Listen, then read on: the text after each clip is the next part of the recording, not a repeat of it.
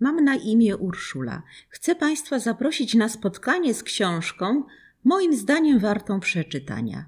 Oderwijcie się na kilka chwil od swoich zajęć albo odsłuchajcie ten podcast przy jakiejś innej Waszej pracy. Ciekawe lektury wybieram z zasobów Biblioteki Pedagogicznej, w której pracuję. Dzisiaj proponuję Państwu książkę pod tytułem Mów, słuchaj i zrozum. Autorką tej książki jest Petra Kranz Lindgren. Poczucie własnej wartości stanowi podstawę, na której rozwijają się pozostałe cechy ważne dla dziecka. Pomaganie dziecku czy nastolatkowi w jego rozwoju może być rozumiane jako uczenie go podejmowania decyzji, wyrażania swojego zdania, czy choćby dzielenia się z innymi emocjami, które on przeżywa. To wspiera w młodych ludziach budowanie wiary w ich możliwości. Teoretycznie wydaje się to dość proste. W praktyce wcale już takie być nie musi. Czym jest poczucie własnej wartości, które my dorośli często utożsamiamy z pojęciem samoocena? Tymczasem nie są to zwroty tożsame i jest pewna między nimi różnica. Otóż ściśle związane z naszym poczuciem własnej wartości jest świadomość samego siebie, własnych umiejętności, myśli, własnych uczuć, potrzeb czy marzeń, czyli to, co my w sobie nosimy. Poczucie własnej wartości to jest jak ja czuję siebie, jak odbieram samą czy samego siebie. Nie oznacza to, jak siebie widzę, jak też widzą mnie inni, lecz jak czuję siebie. Najczęściej są to niestety pejoratywne określenia samych siebie. Mamy skłonność mówić o sobie takie rzeczy. Sprawia mi trudność podejmowania decyzji, albo nie radzę sobie, gdy ktoś mnie krytykuje. A może też wręcz myślę o sobie, nie kocham się. I kiedy tak o sobie mówimy, myślimy, to pewnie właśnie tak się odbieramy, tak czujemy siebie. Z kolei moja samoocena to jest jak ja siebie widzę. Samoocena to moje przekonania o mnie samej. Na przykład, mam brzydki nos, jestem gruba, ale też mogę widzieć siebie jako osobę mądrą, zdolną itp. Ważne jest też, na ile akceptuję to, co o sobie wiem, a często wiem o sobie dużo. I nie zawsze to, co wiem o sobie, no, jest dla mnie łatwe. Nie zawsze z tą wiedzą jest mi dobrze, nie zawsze dobrze się z tym czuję i trudno mi to, co o sobie wiem, czasem zaakceptować. Inni też mogą mówić o mnie: O, jesteś beznadziejna, nie dajesz sobie z tym rady, robisz to źle. Wówczas nabieram przekonania, że tak jest. I te przekonania determinują, z jakimi ludźmi się spotykam. A przez te pryzmaty, czyli to, co noszę w sobie, jak o sobie myślę, patrzę na świat i otoczenie wokół mnie. Wracając do recenzowanej lektury, autorka podaje nam pod rozwagę myśl, którą ujmę następująco. Nie można nam inwestować tylko w samoocenę dziecka bez rozwijania jego poczucia wartości. Zastanówmy się, jak zachowuje się dziecko, u którego zaistniało to poczucie własnej wartości. I jest ono na takim wysokim poziomie. Myślę, że podobnie jak każdy dorosły, mający je dobrze ukształtowane. Otóż wierzy w siebie, akceptuje siebie, nie porównuje się z innymi, czy nie oczekuje potwierdzeń, że jest ok.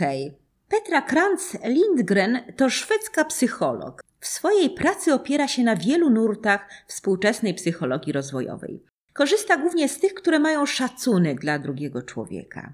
Jej książka pod tytułem Mów, słuchaj i zrozum oparta jest w dużym stopniu na porozumieniu bez przemocy autorstwa Marszala Rosenberga. I całkiem słusznie, bo ów autor przedstawia pewien schemat ułatwiający komunikację między dzieckiem a dorosłym. Główną myślą w pracy autorki jest stwierdzenie inny ty. Zwraca ona uwagę na fakt różnic i podobieństw między dziećmi a dorosłymi. Zakłada, że dzieci i dorośli w gruncie rzeczy są bardzo podobni. W pierwszej osobie mówi: Moje dziecko to inny ja, a zwracając się do rodzica stwierdza: Twoje dziecko to inny ty. Moją uwagę zwrócił fragment, pewien cytat, który przytacza w treści lektury o pewnym indyjskim plemieniu. Jego członkowie pozdrawiają napotkanych ludzi słowami: Jestem innym Tobą. Jest to chyba przypomnienie, że wszyscy w głębi naszej istoty jesteśmy bardzo do siebie podobni. Petra Kranz-Lindgren przygląda się też między innymi temu, jak rodzic poprzez y, obcowanie na co dzień i codzienne rozmowy z dzieckiem może i powinien starać się, aby jego relacje z dzieckiem były pozytywne. Przedstawia ona fundamenty zdrowych relacji opartych na szacunku, zrozumieniu i wsparciu. W swojej pracy z rodzicami stosuje wyraźną radę. Traktuj dzieci w taki sposób, jak sama chciałabyś być traktowana. Są to dość praktyczne porady kierowane do rodziców. Wskazuje ona na praktyczne rozwiązania niektórych konfliktów, podaje propozycje ćwiczeń, które mogą pomóc określić, jakimi rodzicami chcielibyśmy być i jak możemy to osiągnąć. Pisze to wszystko prostym językiem, co sprawia, że książkę czyta się łatwo. Petra Kranz Lindgren pisze o tym, jak budować poczucie własnej wartości dziecka, ale też bez naruszania e, swoich jako rodzica granic. Podstawa według niej to słuchanie, bez kwestionowania i krytykowania. Rodzice z lektury dowiadują się, czego warto unikać, jeśli chcą, by ich dziecko odczuło, że jest naprawdę słuchane i żeby czuło szacunek rodzica do siebie samego. Autorka podaje listę dziesięciu typowych odpowiedzi rodziców, kiedy dzieci odpowiadają rodzicom o swoich problemach czy wyzwaniach. Zwykliśmy wtedy zwracać się często do dziecka z uwagami typu doradzanie. Wiem lepiej niż ty, jak masz rozwiązywać swoje problemy. Albo rozkazywanie. To ja decyduję, jak masz rozwiązywać swoje problemy albo krytykowanie. Nie jestem z ciebie zadowolona, nie jesteś w porządku. To między innymi, ale też wymienia wręcz grożenie dziecku. Jeśli podejmiesz swoje własne decyzje, będzie to miało dla ciebie negatywne konsekwencje.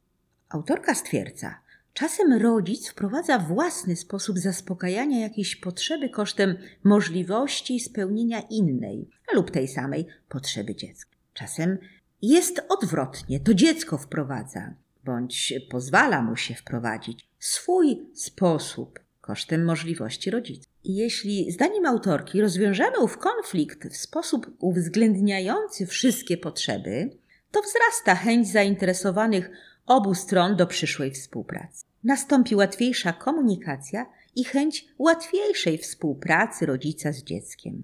A każdy kolejny ewentualny konflikt będzie łatwiej rozwiązać. Ponadto dzieciom będzie łatwiej uwierzyć, że one same są ważne i wartościowe, jeśli odczują, że dorośli biorą wszystkie potrzeby tak samo poważnie. Ważna jest, by była chęć współpracy, a nie tylko wymaganie jednej ze stron, żeby druga strona jej li tylko słuchała. Stosowanie tego równoważnego sposobu postępowania i poszukiwanie rozwiązań uwzględniających wszystkie potrzeby oznacza tym samym, że karmimy poczucie własnej wartości nie tylko u dzieci, ale właściwie także nasze własne. Tak myśli autorka i trzeba się z nią tutaj zgodzić.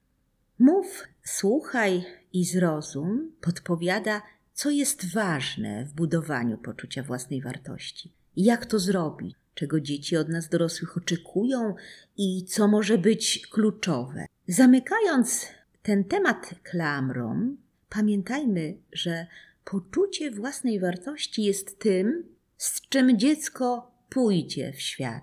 I właśnie o tym jest ta książka. Z tego miejsca, dziękując Państwu za wysłuchanie tego podcastu, chcę zaprosić bardzo serdecznie na następną moją recenzję. Mam nadzieję ciekawej lektury.